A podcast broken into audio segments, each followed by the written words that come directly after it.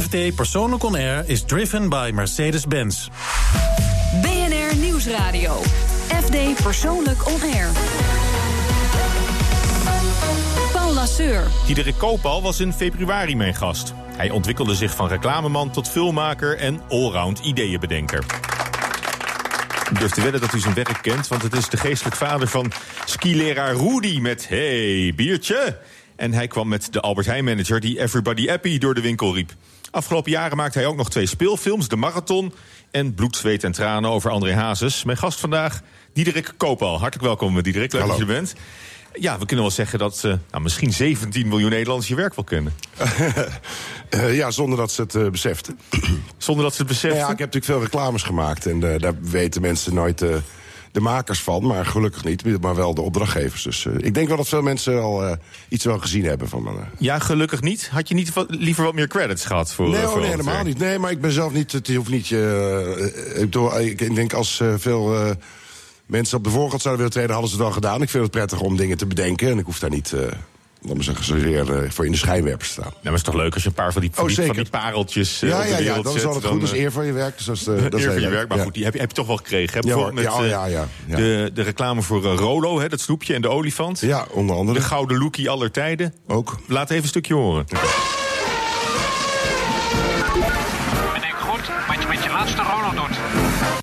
Ja, zelfs uh, zonder het beeld is het een, Ja. een, een prachtig verhaaltje. Voor wie het niet meer helemaal uh, voor de geest heeft. Ver, vertel eens, hoe, hoe loopt dat, dat reclamespotje? Uh, van, de, van de Rolo. Ja? Nou ja, ik bedoel, het thema was bedenk goed wat je met je laatste Rolo doet. Dus daar ga je dan allemaal dingen op bedenken. Althans, dat uh, moet je eerst het thema bedenken. En uiteindelijk kwamen er een aantal filmpjes uit. En een daarvan was gebaseerd uh, op het geheugen van een olifant. En... En we bedachten eigenlijk het filmpje dat het, uh, ja, op het moment dat je een olifantje pest, hè, door iets hem niet te geven, dan zal hij dat altijd onthouden. En uiteindelijk krijg je, uh, krijg je dit terug, de wraak van de olifant. En uh, zijn geheugen is zo sterk, dus daar gaat het filmpje eigenlijk over. Ja. En, en als, als je het zo vertelt, dat klinkt eigenlijk, eigenlijk dood eenvoudig. Ja, ja, het is altijd is het dood eenvoudig. Als het goed is, is het, heel, is het echt heel eenvoudig. Ja. En dat komt ook zo bij, bij jou binnenvallen? Nee hoor, nee, dat komt nooit zomaar. Daar doe je heel lang over. En, ja, daar ga je echt heel hard over, ja. over knarsen? Ja, ja, daar ga je echt heel lang over nadenken, omdat het niet zo is dat je een filmpje bedenkt en dan heb je ineens een, een, een slogan en dan gaan we ineens een leuk filmpje bedenken. Je bedenkt helemaal van, nou, wat zou de communicatiestrategie moeten zijn? En, Hè, gadver. Ja, dan kom je allemaal dingen, maar die hebben toch nodig om uiteindelijk te komen naar iets heel simpels. En dat, uh, dat is wel belangrijk. Dus in dit geval, ik kan me nog herinneren, in de, in de, in de Rolo was een, een, een, een, een chocoladereep die eigenlijk bij de bonbons lag. Het liep helemaal niet. En toen, ja, door een hele simpele uh, gedachte van, nou, leg die reep nou niet eens bij de bonbons, maar gewoon in het, uh, in het naast, de, naast, de, naast de reep en naast ja. de mars en de snickers. Ja. Dan wordt het ineens een reep die een voordeel heeft. Dus namelijk dat die deelbaar is. En dat waren geen reep. Dus je hebt een, echt een discriminant gevonden waarmee je kan adverteren. Vandaar dat we daarop zijn gaan zitten. Oh, maar bemoei jij je dan ook met de plek in het schap van de, van de chocola? Nou, nee, maar je kan wel op een gegeven moment erover na gaan denken... als je met elkaar toch bezig bent, van, dat je je vraagt van waarom ligt hij daar? En waarom moet hij niet ergens anders liggen? Dus. Ja, maar jij bent dan van het, van het sportje, maar in, in essentie ben je dan een verhalenverteller. Je, ja. vertelt, je vertelt gewoon een, een, een mini-verhaaltje. Ja, dat is in, vaak... Wat is het, een uh, 40 seconden of zo, hè? Deze is 35 seconden. Ja. ja, ja. Nou, we hebben, er, we hebben er nog eentje voor je.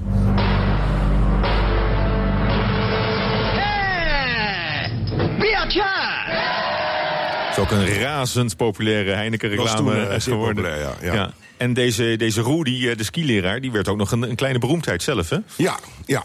Nee, het was, het was een... Uh, hij deed het ook geweldig uh, goed, deze acteur. En toen hebben we hem na de, na de opnames van de commercial... hebben we hem het pak gegeven. Dus het skileraarpak. En dat heeft hij eigenlijk nooit uitgedaan.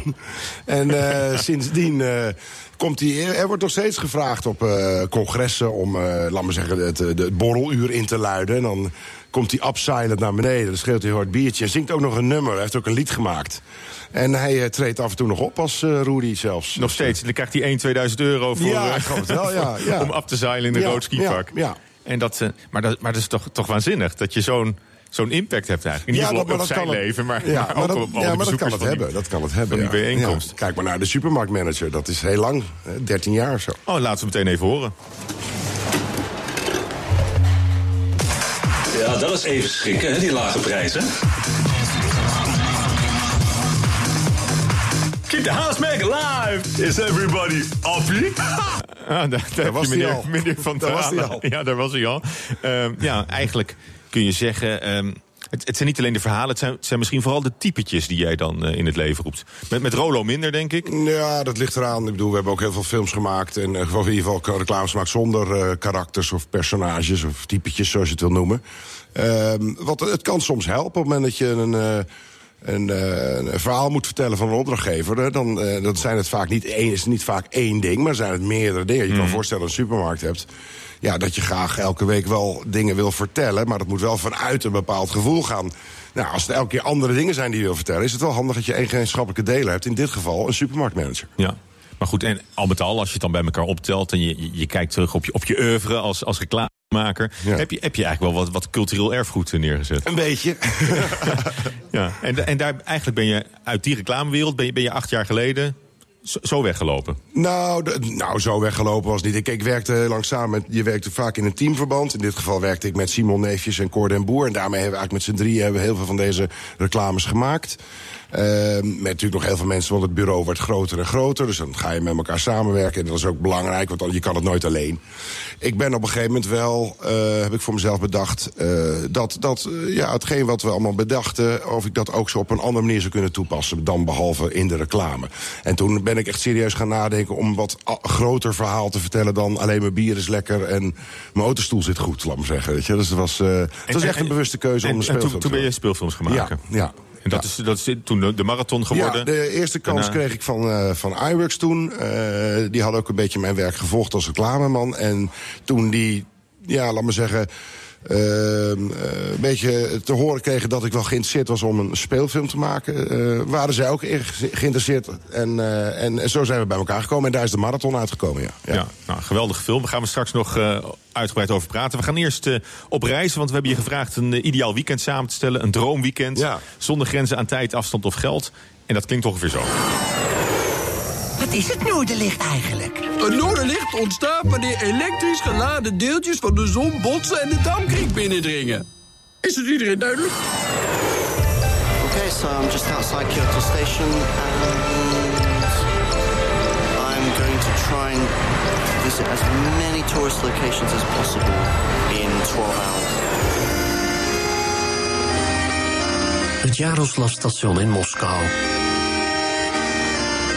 Om de twee dagen vertrekt van hieruit de Trans-Siberische trein om 20 over 9 s'avonds. Ja, dat was het eh, droomweekend van reclame en filmmaker Diederik Koopal. Eh, ja, het Noorderlicht achterna met, met je zoon. hè, Ja, dat, ja dat, is een, eh, dat is wat we allebei nog een zeker keer willen zien. En wie weet gaat mijn dochter ook mee. Maar dat heb ik in ieder geval mijn zoon bedacht. Wij gaan een keer met z'n tweeën het Noorderlicht bekijken. Ja. Waar- waarom?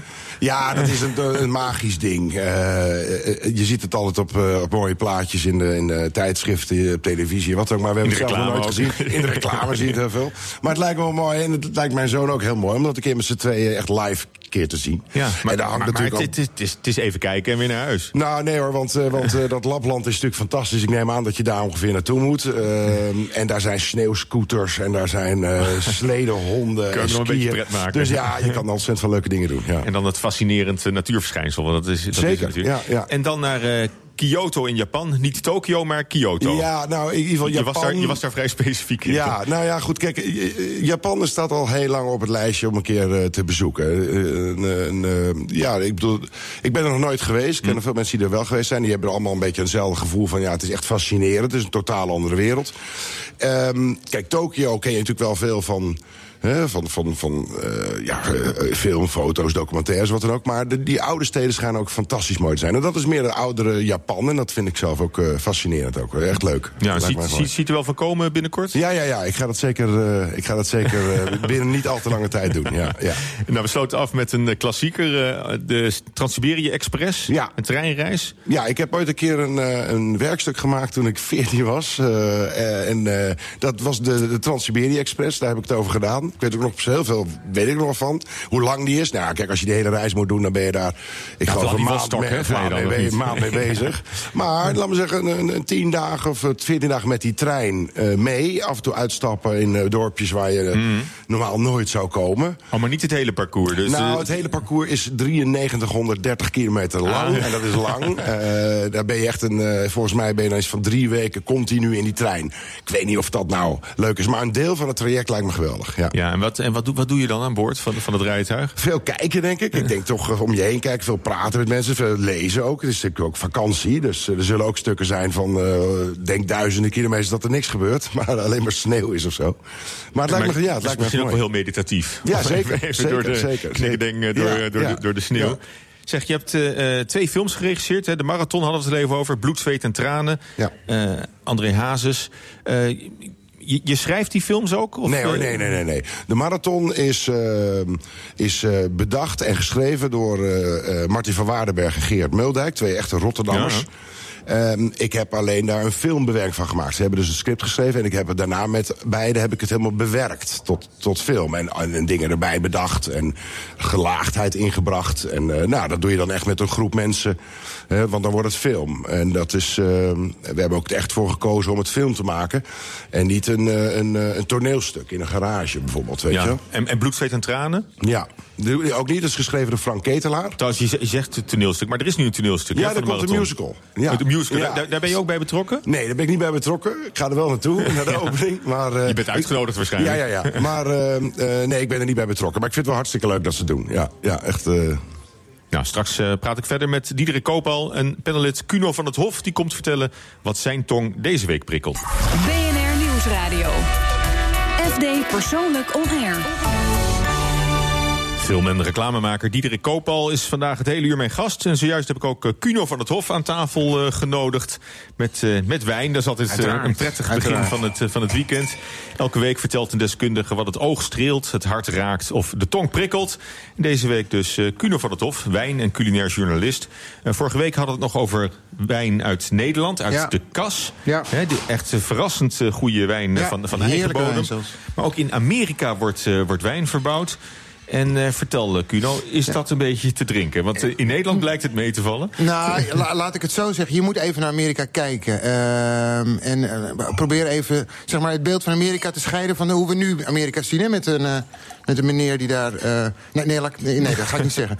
Eh, de wijnen ehm, zoals ze in Amerika werden gemaakt, eh, waren eigenlijk wel een beetje Trump-wijnen. Eh, dik, eh, zwaar, vettig, romig.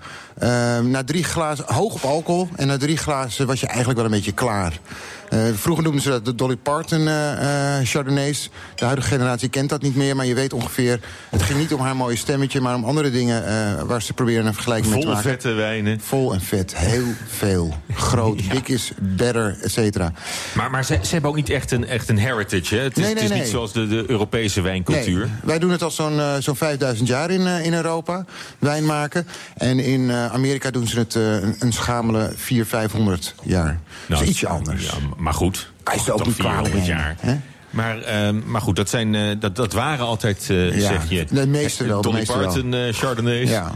En Is Trump verandering. Cabernets. Ja, dat, eh, Trump Cabernet. maar wordt het langzaam beter? Ja, wordt veel beter zelfs. Eh, Oh. Ze beginnen te begrijpen. En je, je kan het ook niet kwalijk nemen als je pas 500 jaar bezig bent... en je probeert meteen de beste te zijn, dat er daar wel eens een klein foutje wordt gemaakt. Ehm, ik, heb, ik ben iets tegengekomen ehm, uit eh, Californië. Dat is eh, eh, van oorsprong zeg maar, het wijngebied. Eh, daar is het heel warm, dus je krijgt hoge eh, suikerwaarden in, in de druif. En hoge suikerwaarden leveren weer eh, hoge alcoholpercentages op. En allemaal technisch geneuzel, maar daardoor zijn die wijnen vaak heel zwaar. Ik ben nooit tegengekomen eh, van een wijnboer een kleine, een relatief kleine wijnboer.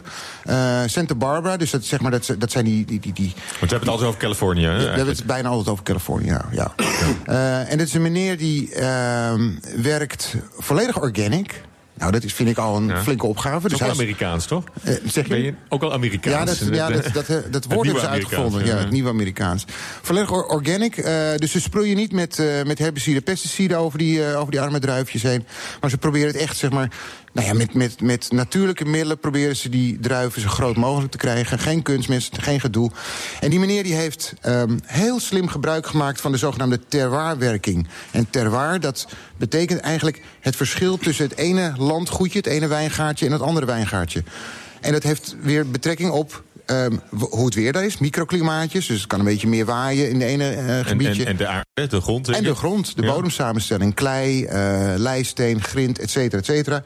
En die meneer die heeft een x-aantal wijnen gemaakt. Nou, ik viel wederom stijl achterover. Maar, maar Cuno, dat is dan heel subtiel. Dat moet dan wel voor de export zijn. Want je moet ook de Amerikanen nog opvoeden... om, om, nou, om ja, goede wijn lekker te gaan vinden. Afgezien van het feit dat ik hem, uh, dat ik hem als hij slim is... dat hij zelf uh, het grootste deel op, uh, opzuipt... gaat een heel groot deel wel naar de, naar de export. omdat wij in Europa dit soort, dit soort smaken begrijpen. Hoge complexiteit, hele spannende wijnen eigenlijk. Heel lichtvoetig. Hij werkt ook in dit geval... Ik heb een, ik heb een Chardonnay meegenomen...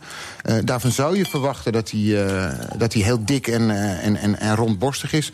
Maar hij blijkt dus heel erg mineralig te zijn. Oké, okay, nou, we, gaan, zeggen, we, ja, we gaan proberen. Proeven. En we krijgen dus geen Dolly Parton Chardonnay. Mm -hmm. Geen zin zelfs. Ja, dit is, dit is heel fijn. Wijn heet, heet mm. Sandy. is sinds een, ik denk sinds een jaar in Nederland ook verkrijgbaar. Bij het bedrijf Sea Wines.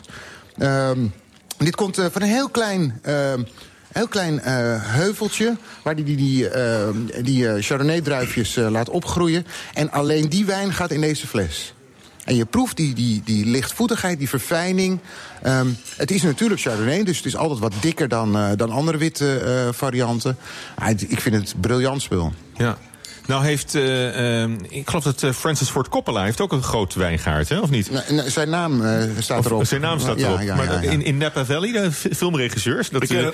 ja, die is lekker Het is een goede. Maar dat, dit is dus, die Francis Ford Coppola vind ik dus echt het het stijlkenmerk van, uh, van Amerikaanse, van Amerikaanse wijn. Ja, ja, het is heel vol inderdaad ja. en groot. Maar dit ja. heeft dat ook wel toch nog wel een beetje. Chardonnay. Ja. En het is, maar het wel eiken, hè? Heeft wel eiken. Ja, zeker. Ja. Ja. Moet je ook wel doen daar, hoor. Om ja, anders uh, verkoopt het niet. Nee, dan wil de, de wereld wil dat niet. Zoals wel grappig is, dat ik vind de Chardonnays ontzettend lekker. Ook als ze juist geen eiken hebben gehad. Ja, ja natuurlijk. Wat hier in de... Maar dan ben je heel erg afhankelijk van de kwaliteit van die druif. Ja. Je kan met hout kun je vaak een beetje verdoezelen. Ja, ja, nee, klopt, ja. Maar het is toch wel interessant. Met, uh, is Amerika een nieuw wijnland, moet je het zo noemen? Nou, of niet? Als, als ze op deze voet verder gaan, met die, zoals, zoals die meneer dit uh, doet met die, uh, met die Sandy-wijnen... zou ik zeker denken dat dit, als ze niet weer gekke dingen gaan uithalen... dat hier een, een hele grote muur omheen gebouwd moet worden. En we daar hele mooie wijnen gaan, gaan produceren. Maar jouw werk wordt er ook niet overzichtelijker op dan, Cuno. Want dan heb je, ja, je, je, hebt natuurlijk Frankrijk en, en Italië en ja, Spanje. Ja. dat, toch de traditionele wijnlanden. Ja. En dan komt dan ineens bij Amerika. Je had, Zuid-Amerika natuurlijk al. Ja. Je hebt uh, Nederland zelfs Ja. sinds vorige week. China. Met die, met die kaswijn China. Vergeet China niet, ja. ja. En, Nee, maar en Australië. Nieuw-Zeeland, Zuid-Afrika. Ja. Maar wat je, wat je ziet is, wa- waardoor komt dit? Doordat, nou ja, toch ook wel, A, omdat we eh, beter leren hoe we kwaliteit moeten maken... maar ook to- toch wel door die, die, die verschuiving in temperatuur eh, op aarde. Dus het wordt wat warmer hier in, eh, in West-Europa. Maar het wordt dus ook warmer in andere eh, delen Oh, van, dat is, eh, zeg maar, dit zijn de pluspunten van global warming die we nu, die we nu meemaken. Ja, ja. Maar ehm, en als je, als je nu zou, zou moeten zeggen, is er een bepaald gebied wat jouw voorkeur heeft? Nou, ik, ik blijf altijd wel een beetje naar Californië kijken. Daar Californië, wordt- ja, voor Amerika dan. Ja, ja. En Oh, maar als je, als je wereldwijd zou moeten kiezen, heb je een. Eh, ja, ik, ik, want want jij reist natuurlijk overal naartoe om het te proberen. J- jij ziet ook door de bomen het bos niet meer inmiddels. Jawel, jawel. Een goed overzicht. Ja, ik zeg, eh, hou China heel goed in de gaten. China, Echt heel goed in de gaten. Die jongens die kunnen heel goed kopiëren, zoals we weten. Eh, en dat doen ze ook met de wijnen. Eh, ze hebben gigantisch veel geld uitgegeven... eh, bij de aankoop van eh Maar kijk ze, dan, kijk, ze dan ook heel, kijk ze dan ook heel technisch naar het proces van, van hoe druiven groeien, hoe je die wijn maakt? Die mensen die zijn, die zijn shitloaden. Dus die kopen, iedere, iedere, pro- eh, iedere producent kopen ze gewoon op... en die laten ze daar die mooiste wijnen maken. Maar ook houtsnippers er doorheen roeren Oh, om, om die, die eikensmaak een beetje. Oh ja, het wordt nog dat veel doen ze ook. Ja hoor. Ja, verwarmen. Verwarmen alles. Ja, alles. Dus Dat, eh, maar dat, daar kan je wel misschien wel betere wijn mee voortbrengen. Eh, andere wijn. Andere wijn. Ja, laat ik daar, oh, iedere toevoeging vind ik geen, niet altijd een verrijking, laat ik het zo zeggen. Ja, maar je kan wel volumes maken dan. je kan volumes maken en daar gaat het om. En dan kan je dus de hele wereld eh, van eh, voorzien. In ieder geval ook eh, uit Amerika. En noem hem nog één keer, want... Sandy, en dat spe- spel je met S-A-N-D-H-I. En het is verkrijgbaar bij Sea Wines, oftewel C en dan Wines. Sandy, een lekkere Amerikaanse wijn. Dankjewel, Kuno van der Top. Graag gedaan. FD Persoonlijk On Air. Paul Lasseur.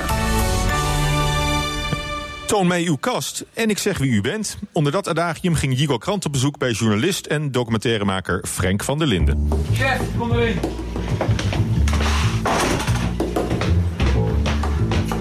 Frank van der Linden, in zijn eigen habitat. Ik nam graag een kijkje in je kast. Welke? Want ik heb een hele hoop kasten met geheimen erin. Daar kom je niet in. Nou, dan zetten we het nachtkastje op één. Ik heb een dobbelsteen bij me, daar gaan we zo mee gooien. Dus ik heb nog vijf kasten nodig. Ehm, kasten met LP's, eh, kasten met eh, alle correspondentie vanaf mijn begin in de journalistiek, vanaf 1977. kasten met wijn, ik ben een heel erg eh vinoloog. En natuurlijk, ja, god, ja, klerenkasten, dat moet, anders ga je dood.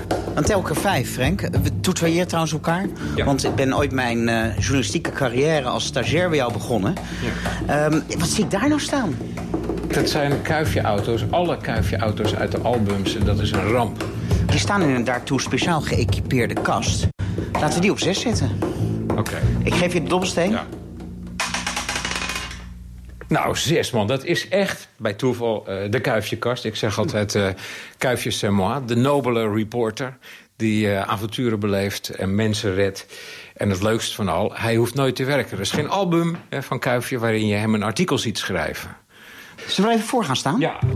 Je had eh, op een gegeven moment een, eh, een folder die in de bus viel. En dan kon je voor 5 euro een echt kuifje autootje krijgen... zoals het in de albums eh, voorkwam. Heel mooi nagebouwd. Dus ik wilde dat wel hebben als kuifje-fan. Ik, ik wilde naar China vanaf mijn twaalfde... omdat ik ja, een kuifje in China had gelezen en zo. Is Frank van der Linden journalist geworden vanwege Kuifje? Nou, er is een oorzakelijk verband. Hè? Dus Kuifje en All the President's Men. eh, Het Watergate-schandaal. Die uh, Nixon ten val bracht, ja. Anyway, er kwam zo'n folder. En ik wilde dat autootje hebben. En drie weken later kwam er nog zo'n autootje... met een bon erbij van 24,95. Hé, hey, raar. Nou ja, toch maar overgemaakt. En, en nog weer drie weken later weer zo'n bon met het derde autootje. En toen ben ik eens gaan bellen. Nou, ik had ingetekend op de hele serie. Alle auto's die in de albums van Kuifje eh, zitten... zouden worden bezorgd. A24,95. Maar hoeveel zijn dat er dan? 75. 75 keer 24,95 euro. En toen dacht ik, nou, dan maak ik van, van deze fout ook maar gewoon iets heel moois. Dus dan ga ik kasten kopen waarin ik die autootjes, autootjes zet. En, en iedereen die hier binnenkomt, die vraagt, ja, vraagt onmiddellijk, wat is dat? Dus Ja. ik heb er heel veel lol van, van die 2000 euro... die ik hier per ongeluk aan uit heb gegeven. Ben je een verzamelaar? Nou, ik ben eh, een potentiële zelfmoordenaar. Kijk, eh, Patricia de Martelaar heeft daar een heel mooi essay over geschreven... dat perfectionisten op een dag waarschijnlijk de hand aan zichzelf slaan. Zij beschrijft dat als je alles onder controle wil hebben... alles perfect georganiseerd wil hebben... dat je natuurlijk op een dag merkt dat dat niet gaat. Dan nemen de frustraties toe. En met een beetje pech eh, ja, stap je eruit... want je krijgt niet voor elkaar wat je ten diepste wilt. Maar hoe relateer je dat aan deze verzameling miniatuurautootjes? Nou, als ik dan per ongeluk eens zo'n autootje koop... en het blijkt er 75 te zijn... dan moeten ze er ook alle 75 komen. Zoals ik alles, idioot genoeg, ook vanaf mijn eerste stukje op de school van de journalistiek heb verzameld. Inmiddels in 150 mappen. Ik hou een dagboek bij. En omdat je eenmaal aan bent begonnen, moet je daarmee doorgaan. Ik heb geen idee hoe dit werkt, hoe dat komt. Maar ik, eh, ik ben denk ik een hele bange man. Dat ik al, al die eh, dingen eh, zo goed mogelijk om me heen wil organiseren. Je zei Kuifje c'est moi. Maar Kuifje gaat achter bandieten aan met een pistool op zak. Dat is toch een heel andere manier van journalistiek bedrijven? Nee, uiteindelijk eh, is wat de journalistiek doet ook jagen op eh, boeven. Boeven in het zakenleven, eh, politieke boeven. Maar echt zoals Kuifje in zo'n auto die boeven fysiek achterna zitten? Ik heb moeten vaststellen dat ik geen oorlogsverslaggever ben. Dat had ik best wel willen kunnen durven. Maar ik weet nog in 89 dat ik naar het plein van de Hemelse Vrede reed... eh, op een nacht, op een platte boerenkar. En dat we onder de lopen van tanks doorreden... die eh, in een ring om het centrum van Peking stonden. Er hing een onheimische sfeer. En ik realiseerde me, er wordt niet eens geschoten. Maar ik vind het nu al te eng voor woorden. Ik, ik ben daar niet op gebouwd. En dat was eh, Frank van der Linden over zijn kuifjeverzameling. Eh Diederik Koopal, ben jij een verzamelaar? Eh, nee, ik ben volgens mij niet echt een verzamelaar. Van eh, mooie momenten, maar niet van echt strips. Ik, heb wel, eh, ik hou wel van Kuifje. Ik vind Kuifje wel geweldig. Maar, maar kunst of heb je objecten aan, aan, aan de muur? Ja, dat thuis? wel, maar ik ben niet een grote verzamelaar van iets. Ik heb veel verschillende dingen.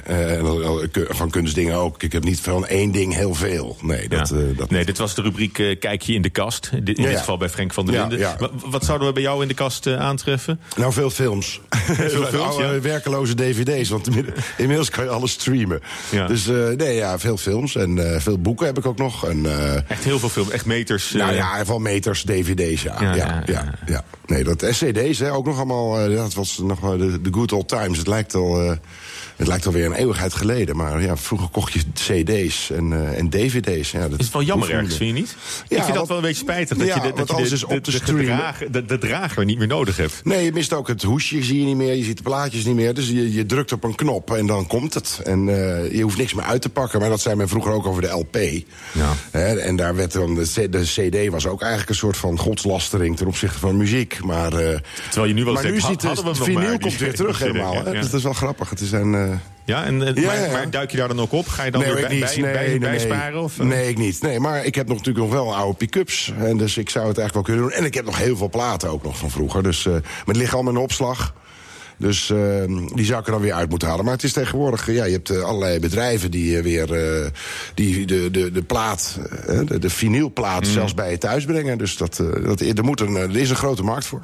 Ja, want- en dat streamen, daar zijn we het wel over eens. hè. Dat is eigenlijk helemaal niks. Dat is waardeloos. Nou, het is heel handig. ja, handig. Het is heel handig. Hè. De, ja, meer, meer is het niet. Maar, maar het doet minder, vind ik nog ja, altijd nou, dan het, een je hebt niet de beleving, nee. Maar goed, maar is dat erg? Weet je, wel, dat kan je ook afvragen. Het is de vooruitgang, denk ik. Straks praten we verder, onder andere met de organisatoren van Opera-reizen. En regisseur Diederik Koopal is er het hele uur bij. Tot straks. BNR Nieuwsradio. FD Persoonlijk On Air. Mijn gast vandaag is Diederik Koopal, regisseur en filmmaker. Diederik, ben je nog wel eens naar de opera geweest de laatste tijd? Eh, nee, niet de laatste tijd. Maar ik ben er wel eens een keer geweest, maar ik ben niet een hele grote operaganger. Ik zou het eigenlijk wel een keer willen doen. Ik zou het wel weer een keer mee willen maken. Wat is, wat is de laatste die je gezien hebt, weet je dat nog? nou, dat moet dan gewoon denk ik een van een klassieker zijn. eh, eh, de, de, de notenkraker of een, of een, een- Ik noem even een operanaam. Is dat een ballet? dat, voor mij is dat een ballet. is dat een ballet? dat is een ballet. Nee, je ziet, ik ben niet heel erg... Erg thuis in de opera's. Maar eh, ik vind het wel mooi als ik, er- als ik er ben. Maar goed, muziek, muziek hoort wel bij je, bij je werk. Absoluut, ja, ja. Ik ben een grote muziekliefhebber. Wat, ja. is, eh, wat is je favoriete muziek? Oh, ik heb, dat, kan ik niet zeggen wat één favoriete muziek. Ik hou van alle soorten alles muziek. vreter Ja, klassiek tot jazz, pop, funk, punk, weet ik van alles. ja. Oké, nou, ik vraag het ook omdat mijn volgende gasten opera-reizen organiseren. Misschien voor jou dan een idee, eh, Zeker, Diederik, ja. om een keertje in te Ze in te doen ook boeken. voetbalreizen, geloof ik. Hartelijk eh, welkom, Reinier Linter-Zoman en Steven Jonker van operatravel.nl. Eh, fijn dat jullie er zijn. Ja, het, het begon inderdaad met, eh, met voetbalreizen. Eh Reinier, vertel eens. Ja, dat eh, is begonnen met voetbalreizen. eh, tijdens mijn eh, studietijd op de studentenkamer, het klassieke verhaal. En d- ja, het was toen gewoon erg lastig om, volgens mij was het destijds Arsenal, om daar een keer heen te gaan. Dus toen heb ik eigenlijk besloten van nou, hoe gaan we dat aanpakken als, als het dan eigenlijk zo moeilijk is. Wat, wat was er zo lastig aan? Je gaat er gewoon naar het stadion en koopt een kaartje en, en, en bent van de partij. Ja, zo zit het helaas niet in elkaar. Zeker Nee? niet als het om de Premier League gaat. Dat was toen ook al een hele opgave. Volgens mij is het me ook niet gelukt om het eh, zelf voor elkaar te krijgen. Dus eh, nou ja, dan ga je met de club praten... en dan ga je kijken of je misschien met een paar slimme programmeurs... een eh, mooie website kan, kan bouwen. Dus eigenlijk uit frustratie, omdat ze jou niet wilden hebben op de tribune, Ja. dacht je van ik ga dat, ik ga dat regelen. En Ja. je bent meteen met een paar vrienden daar gaan kijken? Ja, toen ben ik natuurlijk meteen als eerst zelf uit gaan proberen. En een mooie wedstrijd beleefd in Londen. En eh, nou, die ervaring was wel eh, ja, dusdanig... eh, Welke pot groot. was dat, weet je het nog? Dat was destijds Arsenal Crystal Palace, dacht ik. Ah ja. En, En jouw, wel- club, jouw wel- clubje won? Of is het, Ja, dat was een, een makkelijke overwinning voor de thuisploeg. Maar dus, ja, dus toen hebben we de boekingssite gemaakt, voetbaltravel.nl. En vanaf daar is het eigenlijk ontstaan. En nu hebben wij met Opera ook een eh boekingssite voor opera-reizen. En met Fastlane ook eh, hetzelfde concept, dezelfde technologie... wat we gebruiken voor festivalreizen. Ja, en, maar kost het nou een hoop moeite om zo'n kaartje te bemachtigen? Uh, ja, nou, dat is, kijk, uh, no, met name als je het hebt over de Premier League... dat is uh, en zeker heden ten dagen, de, die clubs die hebben alles eigenlijk volledig uitgemolken... inclusief het kanaal van de toeristen die graag een keer naar Chelsea gaan of naar Arsenal... of nou, hetzelfde geldt eigenlijk ook voor de Spaanse clubs en de Italiaanse clubs. Het zijn ook wereldmerken natuurlijk. Ja, dus, dus die, trekken, die, trekken, klanten aan uit, uit from all over. En, en, en dan de stap naar opera. Dus dan, dat is dan misschien... Dat is een vrij grote stap. Ja, ja, ja is het dat of niet? Of is het, is het ja, qua, doelgroep, uh, qua doelgroep is het een vrij grote stap.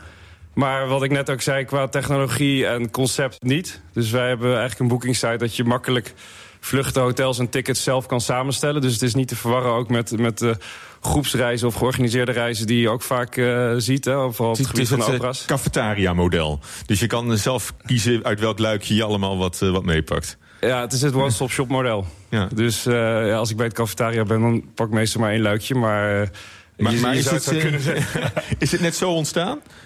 Uh, Ook lief, liefde voor de opera en, en ja, dan maar die kant op? Ja, ja nee, ik, ik ben toen ja, met mijn ouders op, op vakantie, zoals denk ik velen die wel eens op vakantie zijn geweest rondom de streek bij het, ja, het Gardameer. En in elk geval Verona is, is in de zomermaanden eigenlijk de grote operabestemming. Dus ja, met die uh, herinneringen ben ik dit, uh, ben ik dit begonnen. Ja. ja. En, en toen kwam Steven er ook bij, of niet? Ja, eigenlijk vorig jaar, uh, toen zijn we ook Fastlane gestart met festivalreizen. En, um, oh, dus een, eigenlijk een derde lood. Dat was eigenlijk een derde lood. En toen, uh, derde lood. En toen ben ik er ook bij, uh, bij gekomen en bij Renier aangesloten. En als je ja, in Nederland naar festivals uh, gaat, dan festivals zijn überhaupt steeds populairder. En de afgelopen jaren uh, zijn er ook steeds meer internationale bezoekers bij Nederlandse festivals. En ook um, wij Nederlanders vinden het leuker om naar andere landen te gaan om festivals te bezoeken. Dus wij bieden bijvoorbeeld festivals in Kroatië aan, aan het strand, aan de kust. Heerlijk zonnetje en goede, goede muziek. Maar ook nu festivals in Marokko of in, op een boot op de Middellandse Zee. Dus uh, ja, het is allemaal veel avontuurlijker geworden eigenlijk. Ja, maar de doelgroep voor festivals lijken mij toch de, de hipsters die zelf al die kant op liften en, en een beetje ja, wel kijken waar ze, waar ze stranden. Ja, klopt. Zitten die wel te wachten op zo'n uh, op zo'n all-inclusive uh, festivalreisje? Ja, nou, de doelgroep is eigenlijk ook steeds groter. Dus je hebt inderdaad meer de millennials die het uh, zeker voor een groot deel ook zelf regelen. maar er zijn ook heel veel festivalbezoekers die nu al in de 30, in de 40 zijn. En die nu toch wat meer te besteden hebben. En die graag wel in een hotel zitten. En op een wat luxere manier een festival meemaken. Jongens zoals Diederik en ik meer. Die dan, die dan nog tante die nog wel eens. Ja, dat festival in, in Amerika, dat uh, Coachella? Ja, Burning, Burning Man. Man. Burning Man, ja. Dat doen jullie ook, dat soort dingen. Dat, dat Nog niet. We zijn nu uh, vooral uh, concentreren eerst op de Europese festivals. Maar uh, die willen we wel uh, graag ook gaan aanbieden in de toekomst. Ja, want ik heb toch een hoop mensen van mijn leeftijd die al daar naartoe zijn geweest. Uh, in ieder geval, dat zijn ook nu, het is nu helemaal uh, in om daar naartoe ja. te gaan. En met zo georganiseerd, met campers en water mee. En ja. dan de woestijn in. Het schijnt wel een. Uh, het is prachtig om te zien, moet ik zeggen. Het is heel gaaf. Maar dat is wel dus, onze leeftijd. Maar dat, dat is wat jij ook wel, wel zou willen. Dat zou ik wel een keer willen zien, ja. Het is, dat lijkt me een geweldig festival, ja. Ja, maar goed, nog niet dus via, via jullie, maar dat, dat, sta, niet, dat staat maar... op, op, het, op het lijstje. Ja. Wat, is de, wat, is jullie beste, uh, wat is jullie beste product? Wel, welke opera, welk festival wordt het uh, meest bezocht? Ja, toch wel de, de voetbal uh, Barcelona. Ja, Barcelona uh, is, is heel populair. Maar ook de Engelse wedstrijden, zoals Renier al vertelde. Daar, ja, het is gewoon geweldig om die sfeer mee te maken. Vooral ook als bijvoorbeeld uh, vader-zoon uh, is het een mooi excuus om bij zo'n wedstrijd uh, te zijn en een mooi weekend van te maken. Oh ja, en, ja, ja Diederik heeft, heeft een keer zo ja, gemaakt. Ik ben, ik ben met zo'n naar Barcelona geweest. Ja, ja, ja. ja precies. En, en vooral dan nog in Engeland, als je met z'n allen naar het stadion loopt. in zo'n, ja, eigenlijk midden in een, in een stad, in een wijk en al die supporters meekrijgen. Ja, maar het is, is hartstikke leuk man. Het is geweldig. Maar hoe, zorg, hoe, hoe kom je daar dan tussen als, als Nederlands bureautje? En dan ga je naar Barcelona en volgens mij wordt dat helemaal bezet door de, door de socio's. En die zitten daar al generaties op, op, de, op dezelfde stoelen. Hoe kom je daar nou tussen met je, met je boerenkoolhoofd? Ja, wat, ja wat, wat, wat, wat ik net zei is dat uh, de, de clubs hebben eigenlijk een heel kanaal ontwikkeld voor, voor echt de, de, de travel trade, zoals we het noemen. Dus echt uh, een, een, kanaal wat ja, naast de supporters of de, de, de, de, consumenten die gewoon lokaal naar het stadion willen. Dat uh, staat eigenlijk los van een heel kanaal wat er is ontwikkeld voor ook echt toeristen. Voor, voor de rijke toeristen die, die daar ja, gaan. Je ziet inderdaad wel dat ze vaak uh, uh, allemaal extra's bij doen. Zoals een, een, een buffet en een open bar en een uh, wedstrijdboekje en een mooie stoel. En daar zijn ze in Engeland heel goed in. En dan zijn Mm. het eh, zogenaamde hospitality eh, packages. Ja. En dat is eigenlijk inderdaad het kanaal waar wij in zitten. En wij hebben dus partnerships met de clubs. Maar, dat, maar eh, dat is dus helemaal ge- geprofessionaliseerd ook. Ja, ja. Ja. Dus dat weten, dat weten jullie wel goed, eh, goed te vinden. Ja. Je, je hebt, niet- je hebt niet dat ene mannetje op de hoek eh, van, van de kathedraal die daar. eh, Nee, we werken alleen maar met, echt direct met de clubs. We willen ook ja, juist alleen maar direct met de clubs en ook met de opera's werken. En ja, Renier is natuurlijk ook de voetbalreizen al een tijd begonnen. Dus het kost ook wel wat tijd voordat je ja, direct met, met Chelsea en Liverpool kan gaan werken. Ja, ik laat even heel klein een stukje horen van de trailer van Aida.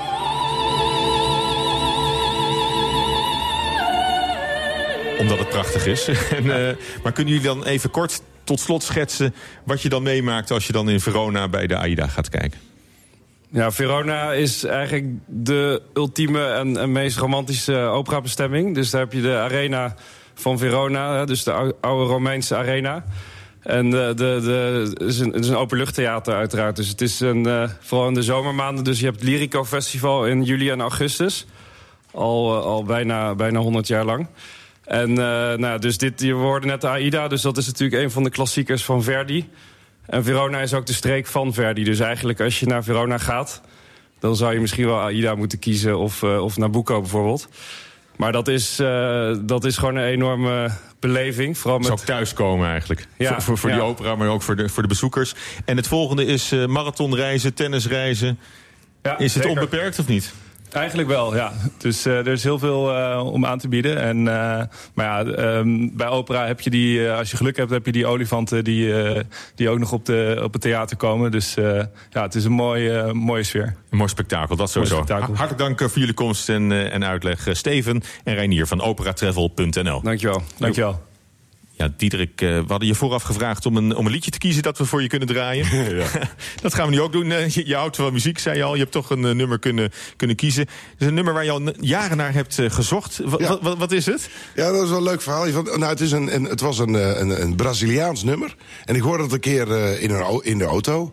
En ik wist niet van wie het was. Ik hoorde, ik hoorde alleen de muziek en ik vond het een ontzettend leuk nummer. En toen, maar ik kon nergens meer vinden wat het... want er was nog niet dat je op, de, op die computer kon kijken... welke playlisten hadden, dat soort dingen. Dus ik heb gewoon echt jarenlang in platenzaken en dingen... proberen te zingen wat Be- ik bedoelde. iets Maar zo. niemand begreep het. Totdat ik inderdaad eh, een keer dat aan iemand eh, insprak in de telefoon. Die zei, ik heb een Braziliaanse werkster, die is nu thuis. dus die hebben toen gebeld en toen heb ik het gezongen. Althans, wat ik me nog kon ervan. Ja, en verdomd, ze wist wie het was. En toen had ik het na Je, mag- 15 je, mag hem, je mag hem zelf aankondigen. Ja, het is een eh, nummer van eh, Erasmo Carlos en het heet eh Cachaca Mechanica. En het eh, gaat een liedje over hoe hij zich voelt na het carnaval. Vendeu seu terno, seu relógio e sua alma. E até o santo ele vendeu com muita fé. Comprou fiado pra fazer sua mortalha. Tomou um gole de cachaça e deu no pé. João bebeu toda a cachaça da cidade. Bateu com força em todo bumbo que ele via. Gastou seu bolso, mas sambou desesperado. Comeu confete, serpentina e a fantasia. Tanto ele investiu na brincadeira. Pra tudo, tudo se acabar na terça-feira.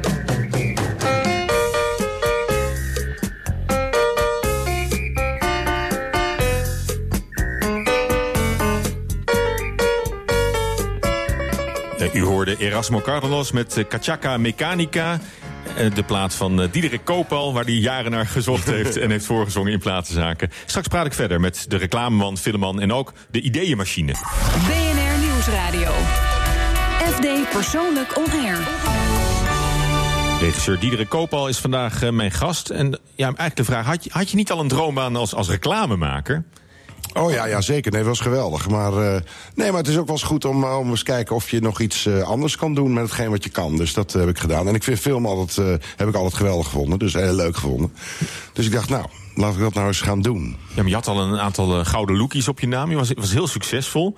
Had je dat wel op moeten geven? Of eh, doe je, doe je het nog wel eens eh, erbij? Nee, ik doe het er wel bij, want ik ben niet helemaal. Ik, bedoel, eh, ik vind ideeën bedenken sowieso heel leuk. En kijk, als, ik doe niet, niet meer elke dag reclames, maar af en toe ja, adviseer ik nog wel bedrijven over hun eh, communicatie. En, en ik maak bijvoorbeeld op dit moment ook weer een eh, commercial bijvoorbeeld. En, eh, Ik heb een keer met uh, Sylvester Stallone ook gewerkt, twee jaar geleden. was ook superleuk, een grote commercial. Dus, eh, nee, het is niet dat ik het helemaal verlaten heb... maar ik, het is niet meer dan mijn, mijn vaste baan, laat maar zeggen. Nee, en hoe, hoe groot was die overstap van reclame naar film? Want Nou, als je die het zo stelt, li- lijkt, hij niet eens zo heel groot. Maar dat- nee, maar die is wel groot. Hij heeft wel overeenkomsten, maar dit is echt een wereld van verschil. Achter een ander métier. Nee, het is echt een ander métier. Je moet, eh, ik kon het ook niet meteen doen. Ik, heb, eh, ik ben ook in Amerika geweest en ik heb daar een cursus eh, Oh, wel, gedaan. ja. Ja, veel over gelezen. En eh, ja, je moet wel iets. eh, je moet je wel. Het is echt een al andere, andere stap die je maakt. Hè? Van, van 30 seconden filmpjes naar twee uur vullen in film is het echt een, een wezenlijk anders ding, ander ding. En je moet ook een producent vinden natuurlijk die zin Ja. heeft om met jou te werken. iWorks heeft toen de, ja, de eerste met heeft je- iWorks gedaan en de tweede Lemming. Lemming film. Maar ook meteen weer het succes, hè? Gouden kalf voor, eh, voor de marathon. Ja, nee, drie gouden kalveren zelfs. ja. ja. En, eh maar bloed, en tranen ook. Dus dat was ook eh, ja, prettig. Heb je ook wel eens een mislukking Oh ja, gehad? Of ja, niet? ja. Ik kan ze niet meer herinneren, maar... Te veel om op te nee, er zijn ongetwijfeld dingen die niet zo goed zijn gaan. Maar ja, dat heb je altijd. Dat heb je altijd. Maar over het algemeen, als je goed over nadenkt... en met veel mensen erover praat... dan verklein je wel de kans dat het misgaat. Dus dat is wel... Ja, want wat is, wat is jouw geheim? Waar, waar zit die, die, die Midas-touch? Waar, waar zit die in?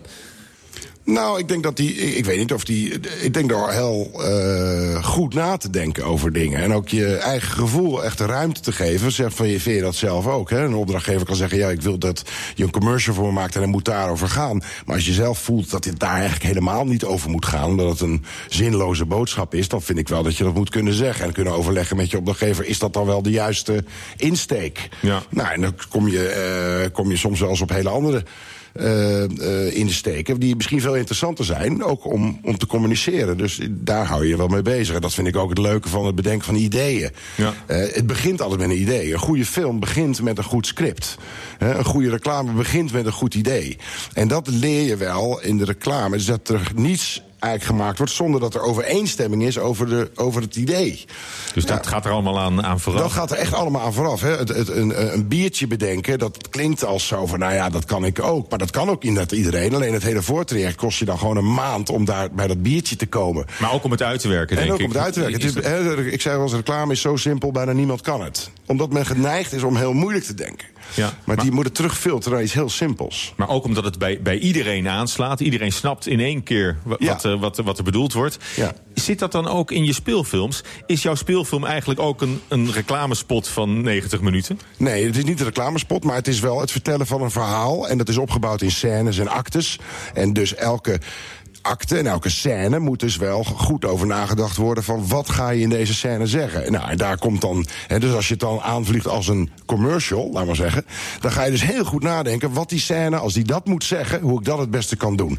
Dus wat dat betreft, de, de werkwijze hè, die, om, om, om dit soort dingen te denken... ja, die heeft overeenkomsten met, eh, met reclame. Ja. En bedenken van ideeën, daar komt het eigenlijk op neer. Want je zou ook kunnen zeggen dat je vrij commerciële films maakt. In de zin dat je een breed publiek aanspreekt. Je, je gaat echt Ja. voor, de, voor, voor veel bezoekers. Ja, en het is niet... het is ook, niet- ook volkse types. Ja, nou ja, goed, dat, is, dat heeft te maken met het script. Hè? Eh, ik kan ook een, eh, als de film eh, goed... Nou, maar het, het is geen arthouse. Nee, het is geen arthouse, maar ik, ik vind het ook wel leuk als ik een film maak om een zo groot mogelijk, pub- om een groot mogelijk podium te bereiken. Maar ik probeer het wel te doen dat ik, ik moet het zelf het allerleukste vinden. Ja, dat wel. Ja, maar goed, veel meer film dus dan, dan reclame. Dat is, dat is nog incidenteel. Eh, maar wat, wat er altijd achter zit, zijn de, zijn, zijn die ideeën. Ja, ja. En, en die, die, blij- die blijven maar komen. Nou, die, die zijn in principe, blijven die komen als je daar, als je jezelf... Dan kun je ook bellen voor een goed idee. Ja, je kan zeker bellen voor een goed idee. Je moet wel over nadenken, maar, maar dat is ook dat, dat is wat, je, wat je doet. Eh, Ook het idee wat ik nu heb doen met een app, ja, dat komt voort uit een idee.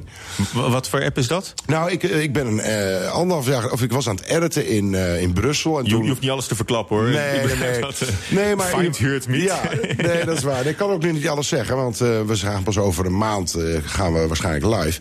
Maar het is in ieder geval een app die mensen de mogelijkheid geeft over de hele wereld om bij elkaar thuis te gaan eten. En dat is eh, meer uit de gedachte van eh, waar iedereen nu eigenlijk ja, alleen thuis zit. S'avonds zeggen wij van joh, ga bij elkaar eten. Weet je wel? Weg van die schermen, weg van die dingen, ga even bij elkaar eten. Dus Dat ook als, als, je, gedachte. als je op zo'n voetbalreisje bent in Barcelona... Ja. zou je in, in, in het uitstel Ja. jouw app kunnen gebruiken... om bij een Barcelonees thuis aan te schrijven. Exact, ja. ja. Dus dat, nee, maar het wordt een heel mooi, heel groot platform. moeders, moederspot. Ja, ja, nee, absoluut. Maar het komt voort uit het feit dat ik aan het editen was... en na drie dagen Thais eten op mijn hotelkamer in Brussel... dacht van jammer dat ik nu niet weet dat ik bijvoorbeeld hier 300 meter verderop... bij iemand mee kan eten. En toen dacht ik, hé, hey, dat is, een, eh, dat is ja, jammer, eigenlijk jammer dat het er nog niet is. Dus dat ben ik gaan, heb ik eh, ontwikkeld met eh, René Bakker samen. En dat, ja, dat komt straks komt dat eraan. Maar eigenlijk geldt daar dus ook voor. Het is een heel goed idee.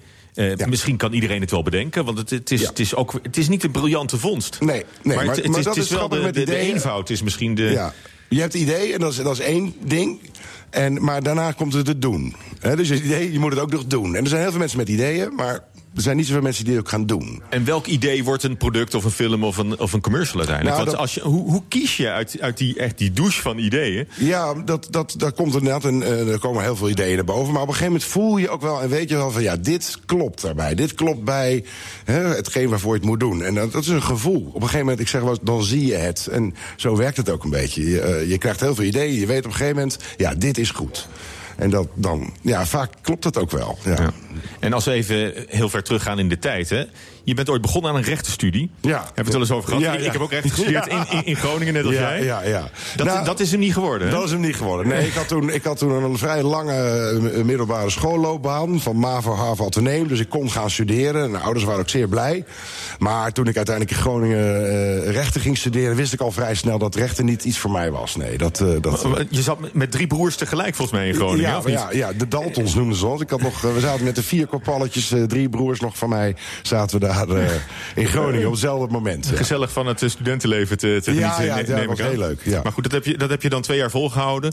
Eh, Ja. Het, het is dan niet de, de deftige wereld van de advocatuur geworden. Nee, maar, nee. De, maar de misschien wat platvloegerse wereld van, de- van de reclame. Ja, ik, ik, ik, ik kende het ook helemaal niet. Er was geen, eh, ik had niet zoveel informatie daarover. Maar ik wist wel op een gegeven moment wat ik wilde worden. En dat is het bedenken van dit soort ideeën. Ik heb toen een LOE-cursus gevolgd. En daarmee werd ik eigenlijk meer laten we zeggen, geïntroduceerd in die wereld. Maar uiteindelijk is reclame een vak wat gewoon geleerd wordt in het bureau zelf. Ja, dus ja. het is echt een praktijkopleiding. En het duurt gewoon vier, vijf jaar voordat je een beetje begrijpt hoe het, hoe het werkt. Het is echt een gildensysteem. Maar, maar, maar toen is die trein wel gaan, eh, gaan rijden, ja, kun je, ja, kun je ik bleek zeggen. daar gewoon wel gevoel voor, eh, gevoel Ja. voor te hebben. Dus maar dat, hoe eh, ontdek je, hoe boor je dat talent bij jezelf aan? Nou, door te proberen. Je moet ergens proberen. Dus eh, ja, het bedenken van ideeën, dat heeft wel te maken van waar ga je over denken. Dus je moet wel een onderwerp hebben. Maar op het moment dat je, ja, je kan eens proberen. Nou, ik zeg wel eens tegen mensen, ben ik opleid, wat een goede oefening is, als je een verjaardagscadeau koopt voor iemand, probeer maar eens iets te kopen waar diegene echt heel erg blij mee is. Dus dat gaat dan helemaal niet om geld, maar dat is ontzettend moeilijk. Mensen kopen een verjaarscadeau, gewoon een cadeautje, ik moet wat hebben. Maar als je erover na gaat denken, ga ik echt iemand een plezier doen... dan zie je hoe moeilijk het is om, er iets, om een idee te bedenken voor iemand anders. Nou, dat is een beetje vergelijkbaar met wat ik doe. Nou, dat lijkt me een hele verstandige les. Hou dat vast, eh, mensen. Ik denk van de meester zelf eh, horen we hier hoe je dat, eh, hoe je dat vak kan leren. Maar even, jouw broers zijn wel allemaal netjes terechtgekomen? Ja, ja, ja, ja. Nee, nee, allemaal prachtig.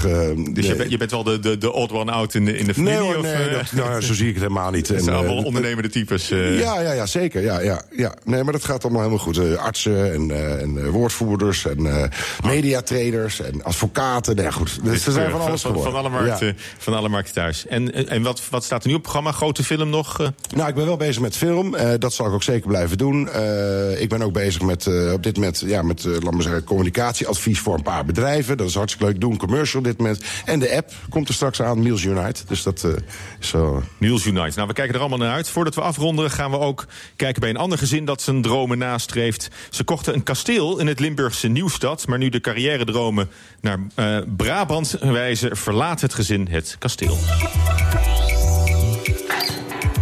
Het begint al goed met een eh, echte kasteelpoort. Ja, heel goed. Ja. En dan het grind, heel prachtig. Daar gaan we de trap op. Daar gaan we de bordestrap op. Bordes heet dat natuurlijk. Want dit is van jullie, dit enorme, prachtige, witte kasteel. Ja, Uit welke tijd? uit 1600. We gaan naar binnen. Het staat te koop, echt waar. Hier in Nieuwstad met DT. Midden in Limburg. Het dunste stukje Nederland, hè, geloof ik. Duitsland ligt daar, België ligt daar. Vijf minuten van Duitsland, tien minuten van België af. Nou, een heel internationaal Europees gevoel. Dan stappen we naar binnen. In de vestibule. En het eerste wat ik zie... Ja, twee glazen deuren. Maar daar kan je doorheen kijken. Twee eh, harnassen. Ridderharnassen. Ridderharnassen. Zoals men in 1600 eh, gebruikte. Ja, alleen zijn ze niet echt, hè? Nee, ze zijn wel iets later gemaakt, ja. Van Blik. hey, wie komt daar de trap af? De jongste zoon, ja, bijna 12. Hallo, bijna twaalf, alles goed? Ja. Hoe is het om in een kasteel te wonen? ja, wel leuk. En hoe is het om weg te gaan? Want jullie gaan verhuizen. Ja, aan de ene kant is het wel jammer. Want ja, zo'n huis is toch wel heel bijzonder als je het kan kopen. Echt, hè? Ja. Maar aan de andere kant is het ook wel fijn om weer terug naar Brabant te gaan. Ja, terug naar Brabant. Want jullie zijn Brabanders, hier naartoe verhuisd en jullie gaan weer terug. Wat is er aan de hand? Ehm, mijn man heeft nieuwe zakelijke uitdagingen. Waardoor wij eh, helaas genoodzaakt zijn om terug te verhuizen. Ja, Limburg verlaten en dit kasteel. Ja, ja vooral dit kasteel natuurlijk. Hè. Dat is eh, echt heel jammer. Echt heel jammer, ja. Want hoe lang hebben jullie hier nou gewoond? Wij wonen hier nu anderhalf jaar. Dat is veel te kort. Ja, veel te kort. Intussen lopen wij steeds hoger het kasteel in. En wat grappig is, hoe hoger je komt inderdaad, hoe lager de plafonds. En hoe lager de deuren. Beneden was het, het belangrijke volk dat kwam. Vandaar de hoge deuren. Veel imposante dingen. En boven was natuurlijk eh, de mensen die werkten, die moesten daar logeren. Beneden ook marmer en hier hout. Precies, ja. Ja, het heeft sfeer. Met een huisbioscoop, want dat had ik nog geheim gehouden. Kijk eens aan. 1, 2, 4, 5. Negen stoelen. Mooi uitgevoerd in groen. Ik ga er even in zitten. Kom even naast me zo, in de bioscoop. Nou, we kunnen wel een filmpje draaien. Wat zou je willen zien? Eh, mijn man zet altijd Lord of the Rings op. De beamer gaat aan. Moet het licht even uit natuurlijk. Extra gezellig. Straks wordt het nog romantisch. Dat is... eh, Uw man is eh, niet thuis? Mijn man is niet thuis. Nee, die is aan het werk. 16 plus, nou, dan gaan wij samen een film kijken. In het Limburgse kasteel. Hoe lang duurt hij eigenlijk? Deze film. Ja, want we gaan hem helemaal uitkijken. Ja, dan, eh, dan zal ik even het drinken beneden gaan halen dan. En chips. Volgens mij duurt hij namelijk eh, 2,5 uur, of niet? Ik denk het wel, ja, zo ongeveer. Nou, gezellig.